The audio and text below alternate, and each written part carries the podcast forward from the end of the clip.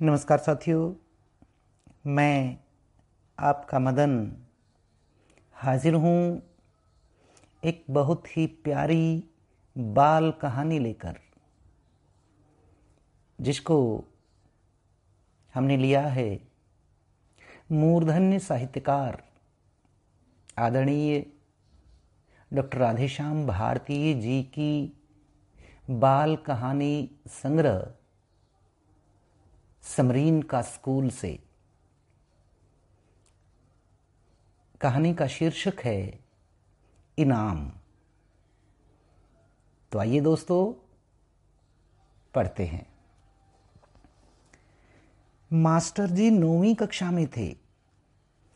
प्यारे बच्चों, आप सभी जानते हो कि स्वतंत्रता दिवस आ रहा है।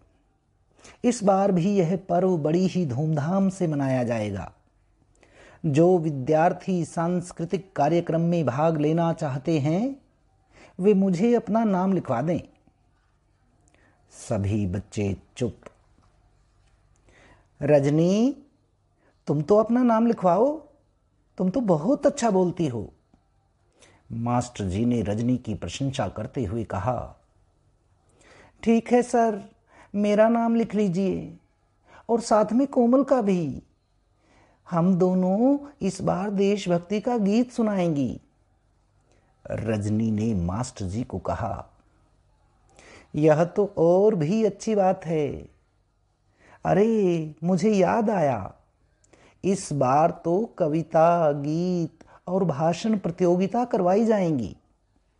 प्रथम, द्वितीय और तृतीय स्थान पर आने वाले विद्यार्थियों को इनाम दिए जाएँगे। दिनेश तुम्हारी भी आवाज़ अच्छी है, तुम भी अपना नाम लिखवा लो। ठीक है सर, मेरा भी नाम लिख लो। दिनेश ने भी अपना नाम लिखवा दिया। कोई और अपना नाम लिखवाना चाहता है? वह मुझे बाद में मिल सकता है। इतना कहे मास्टर जी कक्षा से बाहर चले गए। जैसे ही वे खिड़की के पास पहुँचे तो उन्होंने अंकित और राजू में हो रही वार्तालाप सुनी।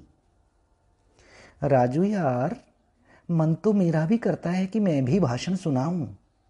सब बच्चों को इनाम मिलता है। काश कभी हमें भी कोई इनाम मिले। तो लिखवा ले नाम, किसने रोका? पर मेरी टांगें। अरे, टांगों ने थोड़ी ही बोलना है, मुँह से बोलना है। राजू अंकित की बात को समझे बिना ही बीच में बोल पड़ा, वो तो मुझे भी पता है, पर मेरी टांगे कांपती हैं मंच पर। इस बार अंकित ने अपनी बात स्पष्ट की, इसका तो कोई हल नहीं। मास्टर जी अंदर आए और अंकित को बाहर बुलाया, आओ बेटा, मेरे पास आओ। तुम भाषण देना चाहते हो? तो अपना नाम लिखवा दो। मास्टर जी ने प्यार से समझाया, नहीं सर, मैं नहीं बोल सकता। क्यों नहीं बोल सकते? जब और बच्चे बोल सकते हैं तो तुम भी बोल सकते हो। अपने आप को कमज़ोर मत समझो। मास्टर जी ने उसका उत्साह बढ़ाते हुए कहा, नहीं सर, रहने दीजिए। मैं तो वैसे ही कह रहा था। अंकित की आवाज़ जैसी दब सी गई थी। बेटा, हर काम की शुरुआत कभी तो करनी ही पड़ती है। तो वो शुरुआत आज से ही क्यों नहीं? अच्छा मैं तुम्हें एक छूट दे सकता हूँ। तुम पर्चा देखकर पढ़ सकते हो। ऐसा करने से तुम्हारा ध्यान कागज़ पर रहेगा। ठीक है, सर। फिर तो लिख लीजिए मेरा नाम। पंद्रह अगस्त को बच्चे सज धज कर आए जिन बच्चों ने अपना नाम सांस्कृतिक कार्यक्रमों में लिखवाया था, वे अपने कार्यक्रम की तैयारी करने लगे। अंकित अभी भी सोच रहा था कि पता नहीं क्या होगा, मैं बोल भी पाऊँगा या नहीं। अरे, मंच पर टांगे कांपने लगी तो सभी हँसी उड़ाएँगे। चार पाँच दिन की मेहनत बेकार जाएगी, मैं रहने देता हूँ। नहीं सर बुरा मान जाएँगे। मुझे भाषण देना ही होगा। उसने अपनी बात को स्वयं ही काटा और मन ही मन भाषण देने का दृढ़ निश्चय किया। कार्यक्रम शुरू हुआ। सभी बच्चों ने अपने कार्यक्रम प्रस्तुत किए। अब स्टेज से अंकित का नाम पुकारा गया। उसने जाते ही कागज़ खोलकर पढ़ना शुरू किया। उसे अपने भाषण को बड़े ही उतार चढ़ाव के साथ पढ़ना था और पढ़ा। भाषण समाप्त होने पर सभी ने जोरदार तालियाँ बजाई। उसके बाद एक छोटी सी लड़की ने सुंदर नृत्य प्रस्तुत किया। कार्यक्रम के अंत में मुख्य अतिथि ने विजयी बच्चों को इनाम दिए। पर अंकित के बारे में इतना ही कहा। प्रतियोगिता के कुछ नियम होते हैं। इसलिए अंकित को कोई इनाम नहीं मिला।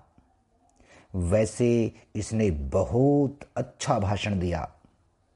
शायद जो विजयी हुए हैं, उनसे भी बेहतर।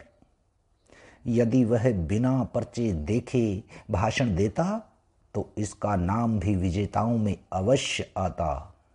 मुझे उम्मीद है कि आगे कभी भाषण प्रतियोगिता होगी तो इसकी भाषण कला इसे विजयी अवश्य बनाएगी। कार्यक्रम समाप्त हुआ। राजू दौड़ता हुआ अंकित के पास आया। मिल गया इनाम? तुम तो कहते थे कि जब बच्चों को इनाम मिलता है तो मुझे बड़ी खुशी होती है, और चाहता हूँ कि कभी मुझे भी कोई मंच पर सम्मानित करे। राजू ने बड़े ही व्यंग्यात्मक लहजे में अंकित को चिढ़ाते हुए कहा। कहा था, पर राजू, एक बात बताऊँ? अंकित ने कुछ सोचते हुए कहा, बता, जो बताना है। जल्दी बता। राजू ने कहा, आज मुझे वास्तव में बहुत बड़ा इनाम मिला है। अच्छा तू मुझे अंधा समझता है? यदि तुझे इनाम मिलता तो मुझे दिखता नहीं? नहीं दोस्त, आज मैं मंच पर गया। अब मुझे भी एहसास हो गया है कि मैं भी मंच पर अपने मन के विचार व्यक्त कर सकता हूँ।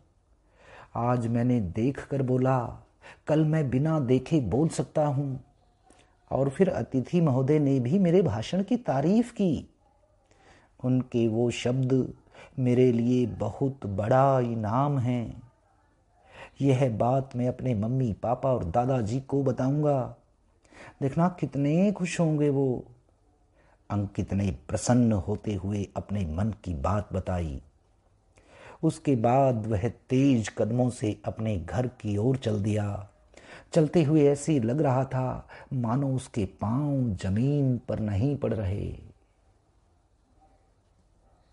धन्यवाद साथियों